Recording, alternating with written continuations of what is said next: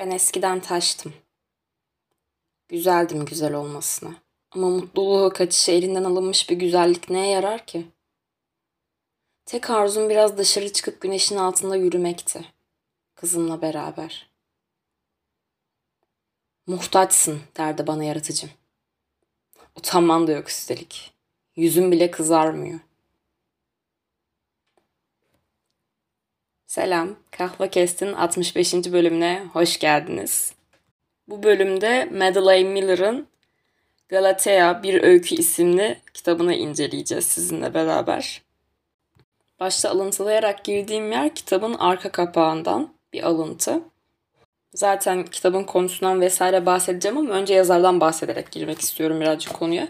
Sizin kafanıza birazcık Wikipedik bilgiler atmak istiyorum. Madeleine Miller benim aslında çok sevdiğim bir yazar. Kendisinin sadece iki romanı ve artı bir öyküsü. Bu öyküyü de sayarsak aslında. Üç kitabı olmasına rağmen çok sevdiğim bir yazar. Burada zaten daha önce bir kere bahsetmiştim Ben Kirke kitabını yorumlarken. Kahrulen'de takip ediyorsanız biliyorsunuzdur benim çok sevdiğimi. İlk romanı kendisinin Akilius'un şarkısı, ikincisi Ben Kirke, üçüncüsü de aslında roman değil bir öykü şeklinde yazdığı işte bu kitap.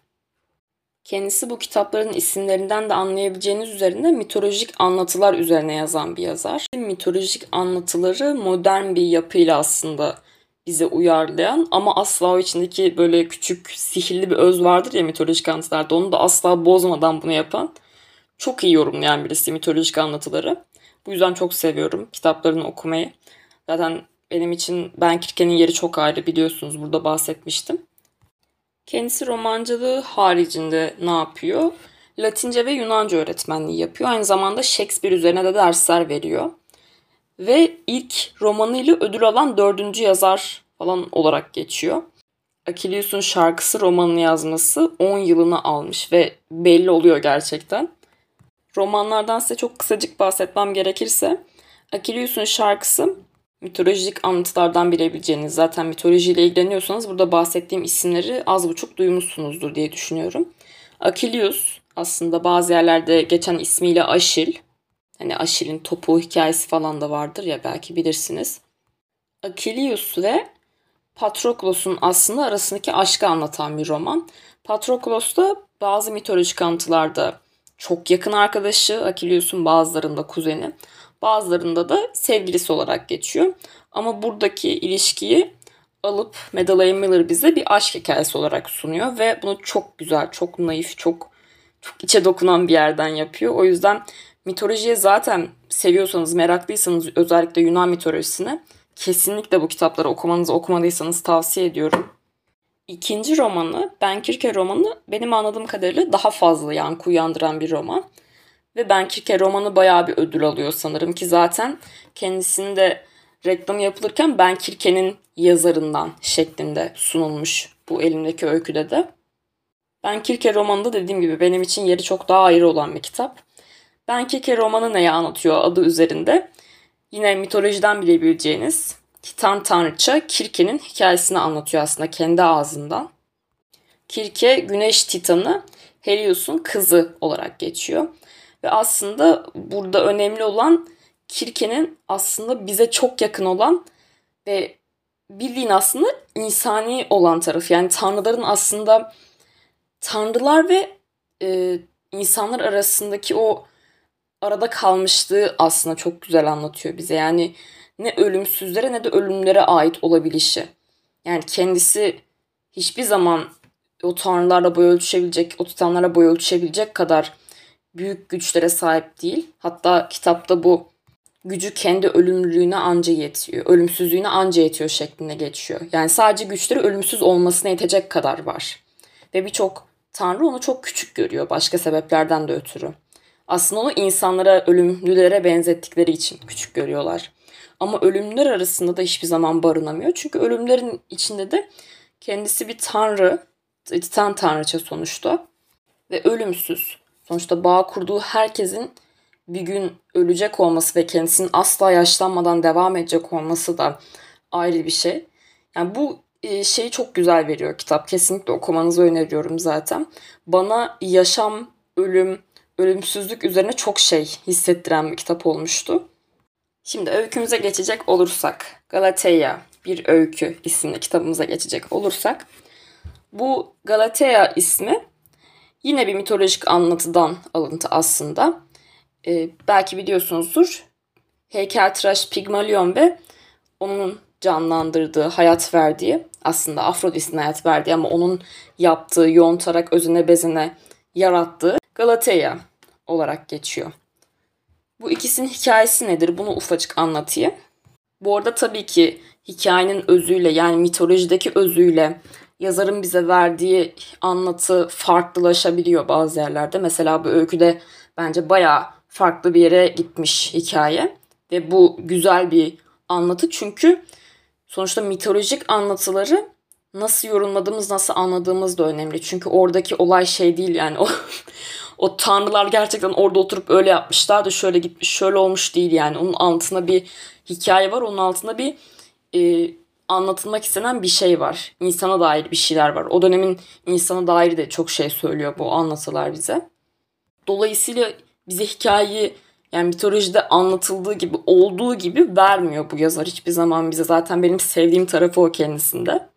Modern bir bakış açısıyla derken yani günümüze yakın, günümüzdeki insana da çok şey hissettirebilecek bir bakış açısı derken mesela Patroklos'ta Akilius'un o yakınlığını, mitolojide bize yakınlık, bazen kuzen, bazen yakın arkadaş, bazen de sevgili olarak göster gösterilen şeyi queer bir aşk olarak sunuşu mesela veya Kirke'nin hikayesini feminist bir perspektiften anlatması. Çünkü Yunan mitolojisi günün sonunda e, birçok açıdan çok eril bir yere dayanıyor aslında.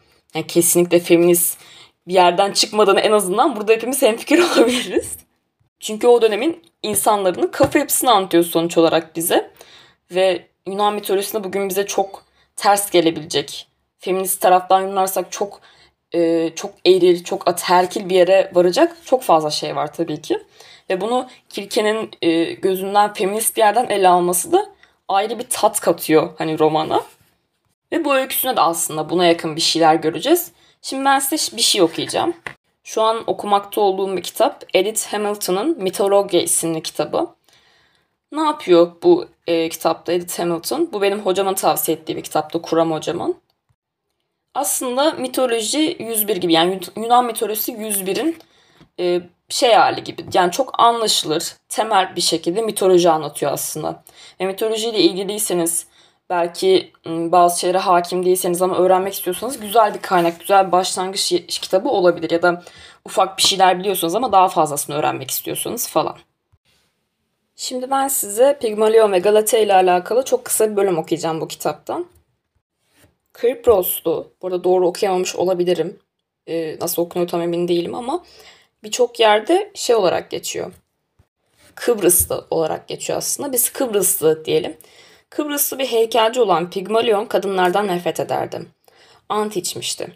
Ömrü boyunca evlenmeyecekti. Sanatı yetiyordu kendisine. Pigmalion, şu an araya giriyorum. Pigmalion çok iyi bir heykeltıraş. Kendisinin müthiş heykeller yapmasıyla anılıyor her yerde. Sanatında çok iyi ama yalnız bir adam, yalnız birisi.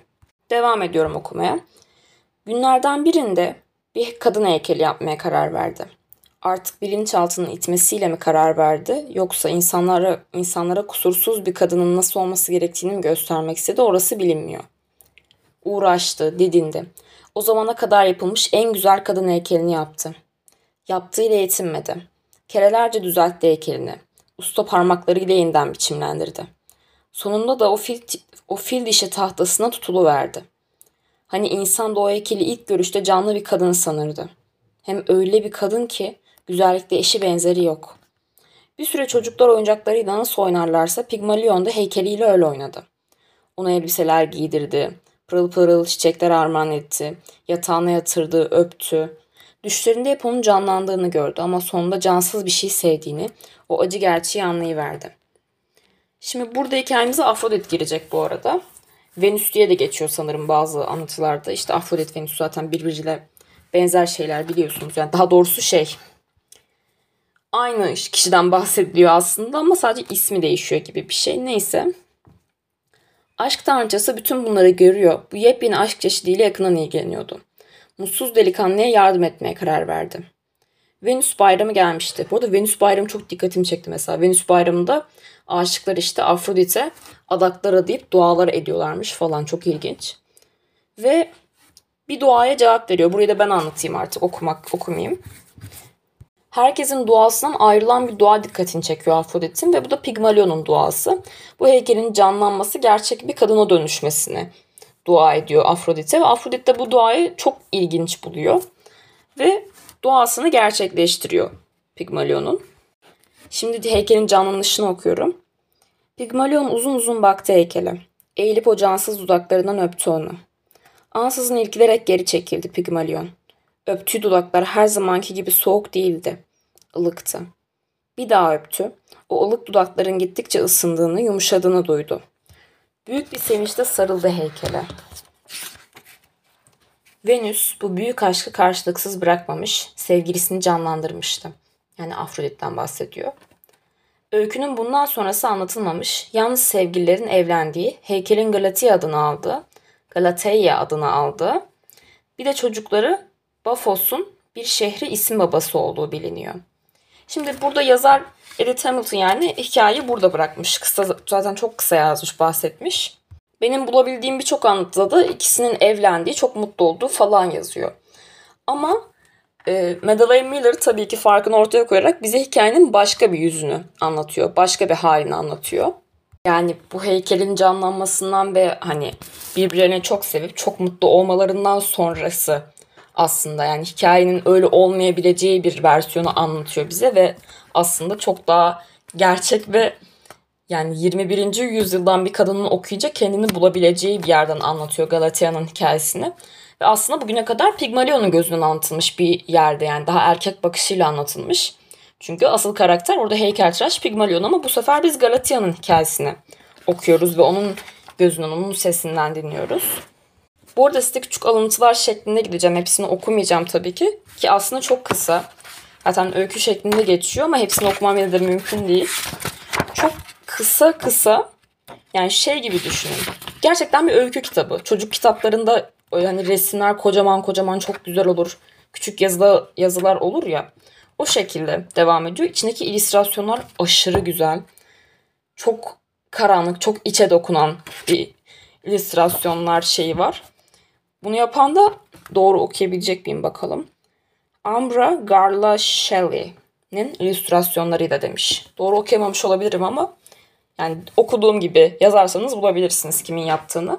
Çok güzel illüstrasyonlar var. Kesinlikle bence alıp yani özellikle böyle şeyleri okumayı seviyorsanız bakmanız lazım. Zaten Kahrülen'de de atarım fotoğraflarını.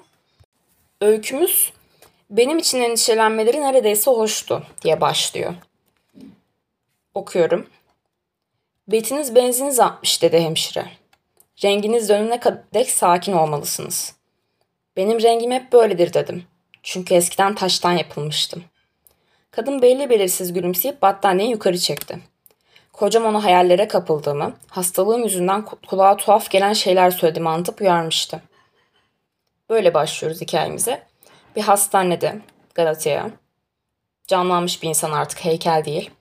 Eskiden heykelmiş, eskiden taştan yapılmış. Bunu söylüyor hemşireye ve hemşire ona inanmıyor. Çünkü kocası onun deli olduğunu özetle, hayaller gördüğünü falan söylemiş.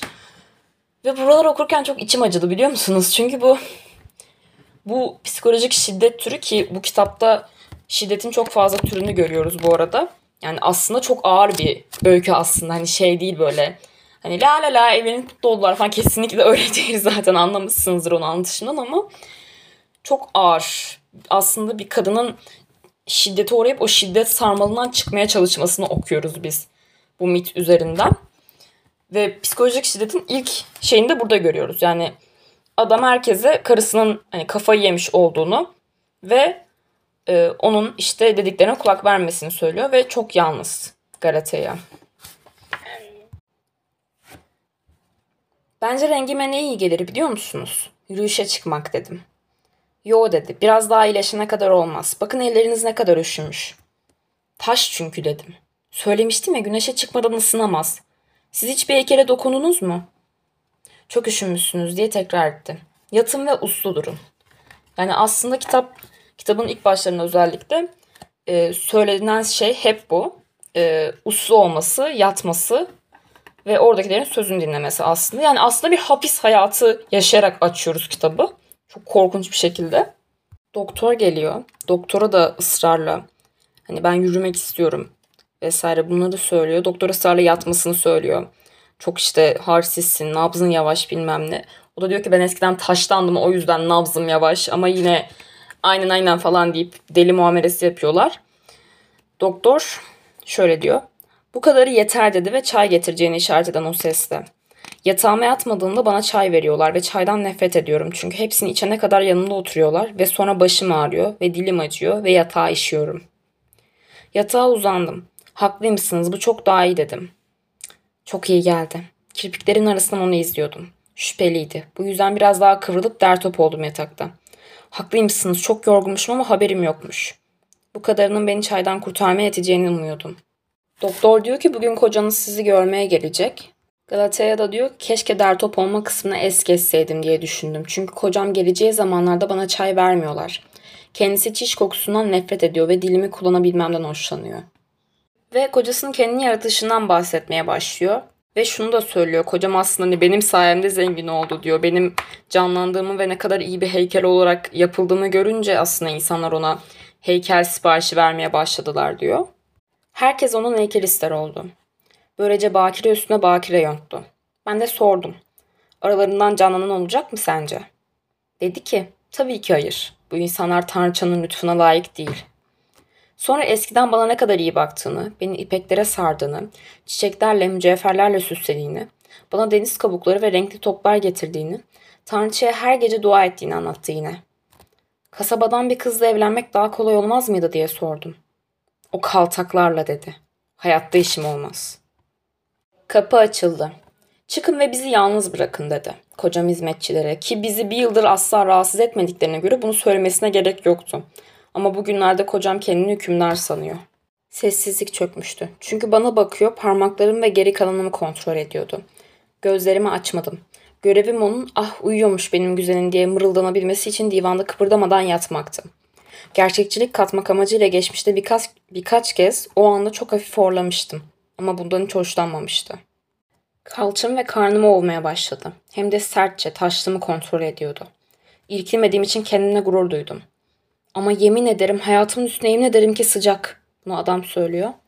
Ey tanrıça bu bir rüyaysa izin ver bana hiç uyanmayayım. Sonra dudaklarını dudaklarıma bastırdı. Yaşa dedi. Ah yaşa hayatım aşkım yaşa. Buğulu bir geyik yavrusu gibi gözlerimi açmam gereken o an, bu an.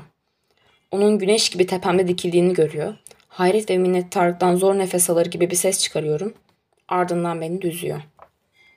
Bunlar mesela çok tetikleyici yerler benim için en azından ki bence bir kadın için de muhtemelen çok tetikleyici ve böyle bir şey yaşamamış olsa bile çok tanıdık hisler olacaktır diye düşünüyorum. Devam ediyorum okumaya. Ondan sonra nemli omzuna uzandım. Özledim seni aşkım dedim. Bir şey söylemedi ama sabırsızlandığını hissedebiliyordum. Ön tarafındaki ter kurusa da sırtı bataklık gibiydi. Ayrıca minlerdeki sazları örtülerin altından kaşındırıyordu ve kocam evdeki doldurulmuş yatağa alışıktı.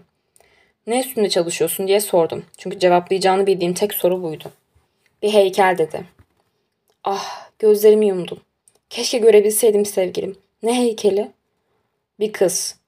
Eminim çok güzel olacak dedim. Kasabadaki adamlardan biri için mi? Hayır dedim.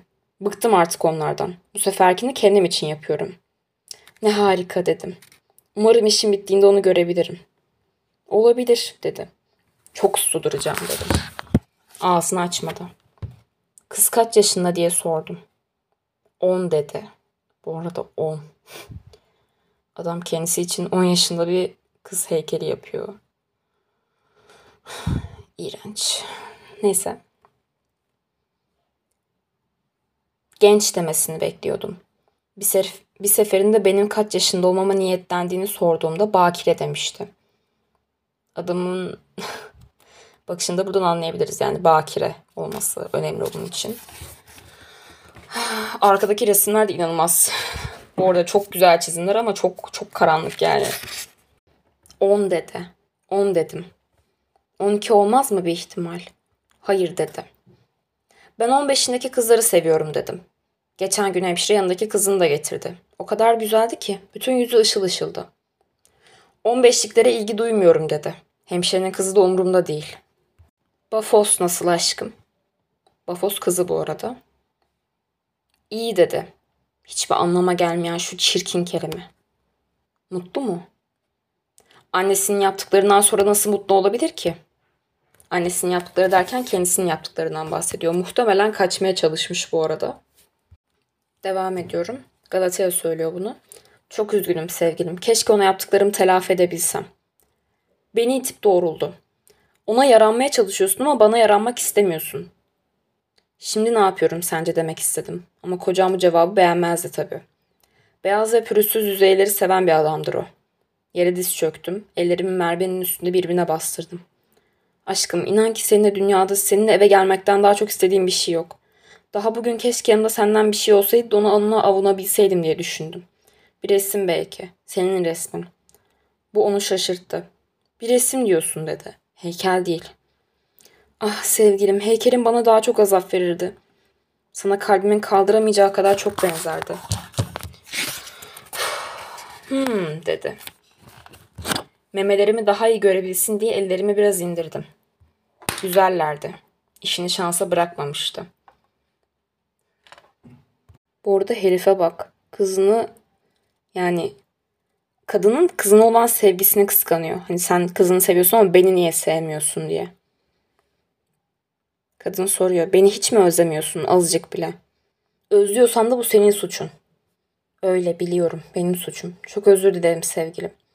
Ne kadar budalaydım. Ne yaptığımı farkında bile değildim. Budalaydın tabii dedi. Memelerime bakıyordu yine. Evet korkunç bir budala, nankör bir budala. Kaçmamalıydın dedi. Yani problem anladığımız üzere burada. Kadın kaçmaya çalışmış. Ve e, adam da kadın kaçmaya çalıştığı için onu hastaneye kapatmış. Hayatım üzerine yemin ederim ki bir daha asla kaçmayacağım. Benim bırakıp gitmene dayanamıyorum zaten. Her günüm yolunu gözleyerek geçiyor. Sen benim kocam ve babamsın. Ve annen dedi. Evet ve annem ve abim ve aşığım hepsi sensin. Bunları sadece Bafos'u görmek istediğin için söylüyorsun dedi. Yani kadın aslında çocuğunu görmek için bu kadar adama şey yapıyor bir yerde. Sadece bunun için değil tabii ki. Çünkü başka çaresi yok kadının. Onu görmek istiyorum elbette. Yoksa ne biçim bir anne olurdum. Duygusuz ve utanmaz. Tanrıça ve sen beni öyle yaratmadınız ki. Zor nefes alıyor ama belli etmemeye çalışıyordum. Zemin dizlerimi acısa da hareket etmedim. Utanmaz dedi. Utanmaz dedim. Bana baktığını hissettim. Yaptığı işe hayranlık duyuyordu. Beni bu şekilde yontmamıştı. Yonttuğunu sanıyordu. Güzel bir heykel. Adı muhtaç. Beni satıp Arabistan kralları gibi yaşayabilirdi. Kaşlarına çatıp parmağıyla işaret ettim. Şu da nesi? Karnıma baktım ve tenimde ışığa yakalanan gümüşi belli belirsiz izleri gördüm. Aşkım çocuğumuzun alameti bu. Karnımın gerildiği yer. Gözünü dikti. Ne zamandır var bunlar? Kızımız doğduğundan beri. 10 yıl oldu bu arada. Bunu kendisi söylüyor. Çirkin görünüyor dedi. Çok özür dilerim aşkım. Bütün kadınlarda oluyor. Adam diyor ki eğer taş olsaydın oralara keskiyle düzeltirdim dedi. Sonra da dönüp gitti. Biraz sonra elinde çaylı doktor girdi içeri. Mesele şu ki bence kocam benim konuşabileceğimi beklemiyordu. Bunun için çok da suçlamıyorum onu. Sonuçta beni sadece bir heykel olarak biliyordu. Saf, güzel ve sanatına kolayca boyun eğen.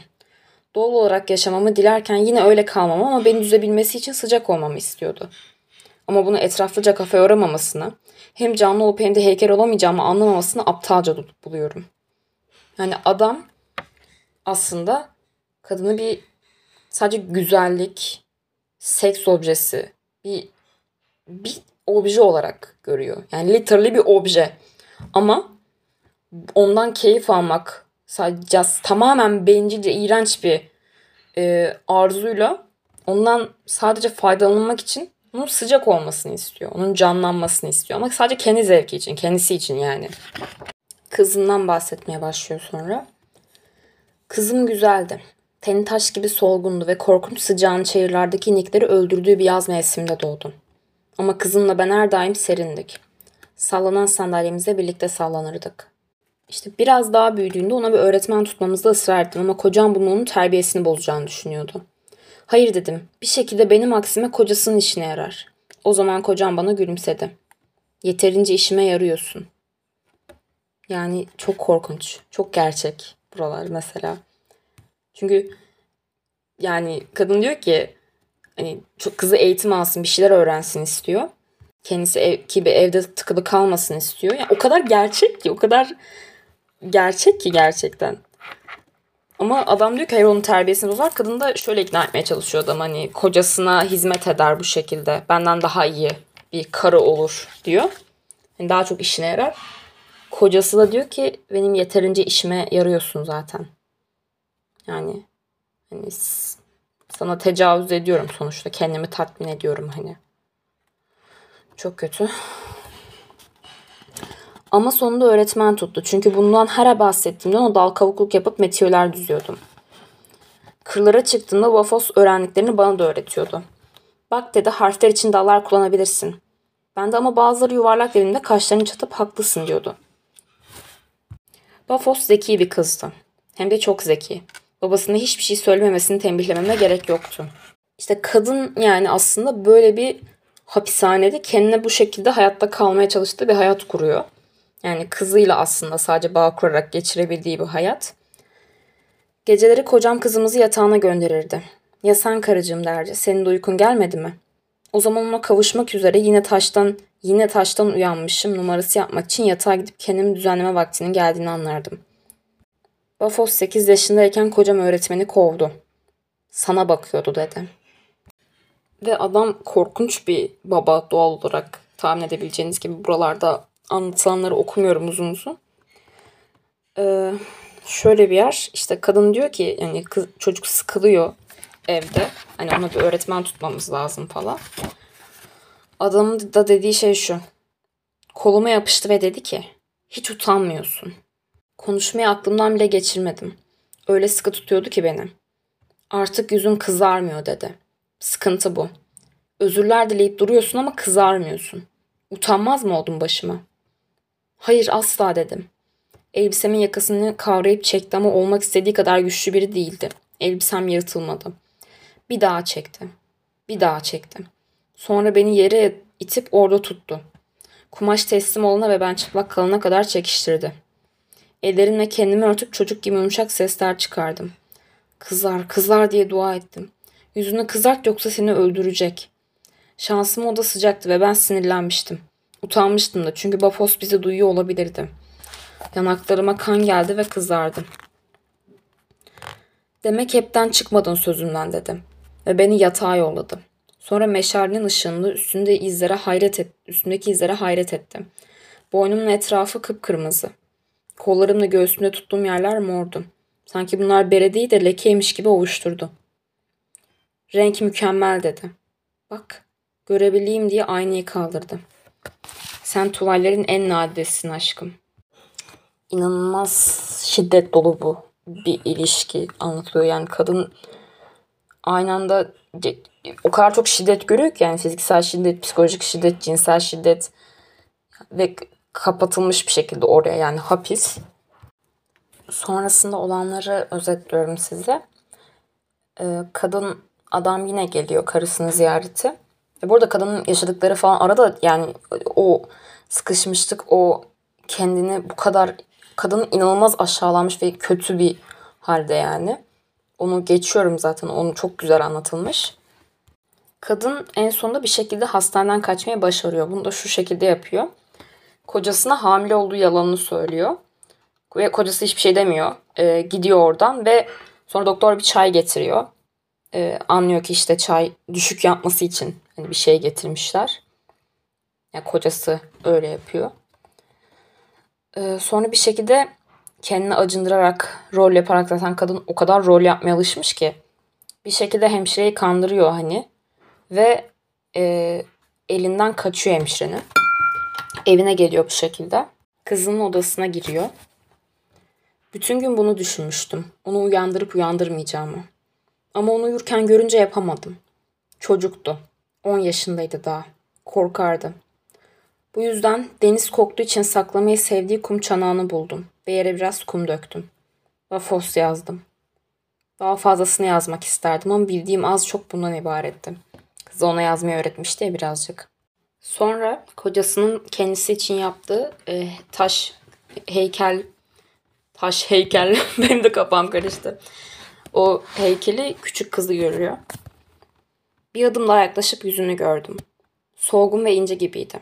Ağzı yumuşacık bir yaydı. Gözleri kapalıydı ve taş bir divana kıvrılmıştı.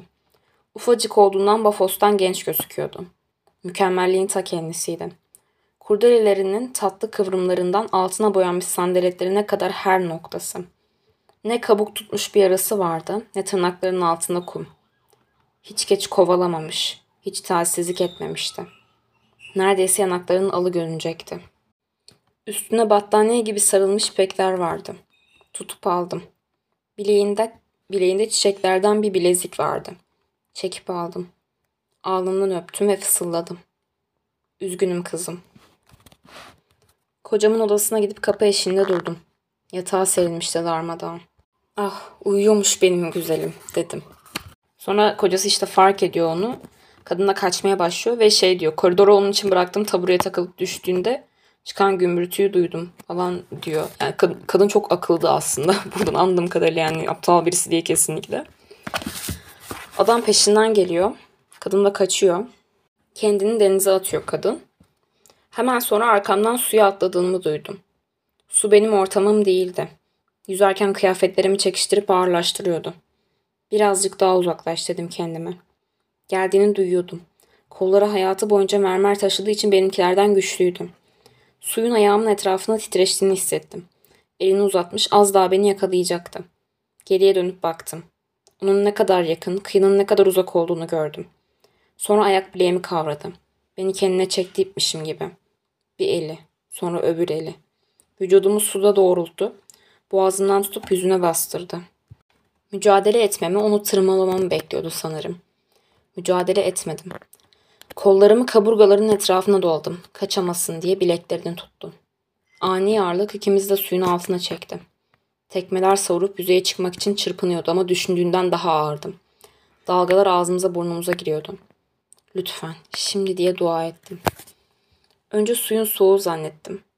Parmaklarıma ve adamın etrafında kas katı kesilmiş kollarıma tırmandı. O debelendi, mücadele etti ama ellerim birbirine kenetlenmişti ve açmak için ne yaptıysa kar etmedim. Sonra bacaklarıma da sızdı o his. Derken karnıma, göğsüme ve o tekmeler savurup dursa da bizi yeniden çıkaramadı havaya. Bana vurdu. Ama darbeleri sulu ve zayıftı. Hiçbir şey hissetmedim. Kollarımın sağlam halkasından ve vücudumun önlenemez sürüklenişinden başka. Hiç şansı yoktu gerçekten. Altı üstü ettendi. Karanlık boyunca düştük aşağı. Suyun soğuğu boynuma sokuldu ve dudaklarımla yanaklarımdan kanımın rengini sildi. Vafos'u düşündüm. Ne kadar akıllı olduğunu. Taştan kız kardeşini düşündüm. Divanında huzur içinde yattığını. Akıntılar boyunca düştükçe düştük. Ve yengeçlerin benim solgun omuzlarıma tırmanıp oradan adamı nasıl yiyeceğini düşündüm. Okyanusun zemini kumlu ve yastık gibi yumuşaktı. Yerime yerleştim ve uykuya daldım. Öykü burada bitti ve ben de bittim. çok etkiliyor beni her defasında yani bence kısa ama çok etkileyici bir öykü. Ve öykünün bence alternatif böyle bir versiyonu yazmak da bence çok cesurca bir hareket. Ve ayrıca bu şekilde yani feminist bir versiyon ismiyle çıkmıyor bu öykü tabii ki ama tabii ki feminist bir versiyon çünkü kadının ne kadar şiddet gördüğünü görüyoruz biz aslında. Ve o heykel hikayesinin aslında ne kadar günümüze uyarlanıp aslında kadının çektiği eziyete dönüşebileceği yani ve kadın sonunda kendini feda etmek zorunda kalıyor.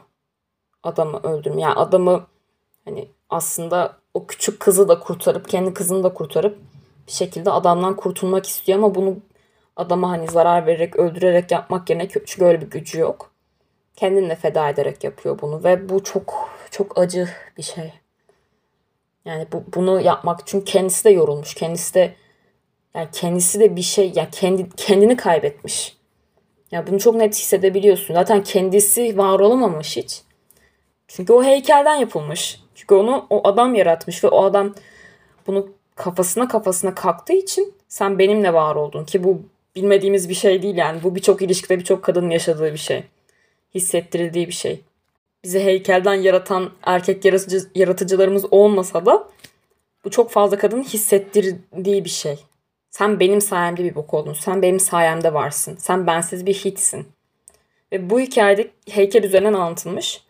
Ama sonunda ikisi de gitti yani ve yani giderken adamı da götürmesi en azından bana hissettirdiği şey yani ne kadar acı bir son olsa da çocukların en azından o adamla büyümeyeceği ve o kızı aslında kurtarmış olması falan. Ve diyor ya ona üzgünüm kızım. Yani bu, bu çok acıtıcı geldi bana. Çünkü bildiğim bu şey yani. Küçücük kızları kendisine kumu alarak alıp böyle onlara işkence eden iğrenç heriflerin mitolojik versiyonu gibi bir şey yani. Çok da şey değil hani çok yakın bir örnek. Çok hayatın içinden çok günümüze yakın bir örnek. Ama bunu mitolojiyle bu kadar sırıtmadan güzel harmanlayıp anlatması zaten yazarı başarılı yapıyor ve çizimler çok güzel. Tekrar söylemek istiyorum. Çizimleri Kahrülen'de atacağım. Lütfen gidip alabiliyorsanız alın, okuyun. Ne kadar üzücü, acıtıcı olsa da ben bu sonunu en azından günümüz için daha gerçekçi ve daha anlamlı buluyorum açıkçası. Yani Pigmalion'un Galatasaray'ı yapıp heykel şeklinde sonra canlanmasını dileyip sonra canlanınca ikisinin mutlu mesut yaşayıp işte evlenip çocuk yaptıkları bir sondansa bunu çok daha hayatın içinden gerçek ve dediğim gibi anlamlı buluyorum. Bir şeyler anlatıyor bize. En azından bugün için çok şey anlatıyor. O yüzden sizinle de paylaşmak istedim. Böyle kitap okumaları yapayım istiyorsanız bana Kahrülent'ten geri dönüş sağlayabilirsiniz. Sizi öpüyorum. Başka podcastlerde görüşmek üzere. Bay bay.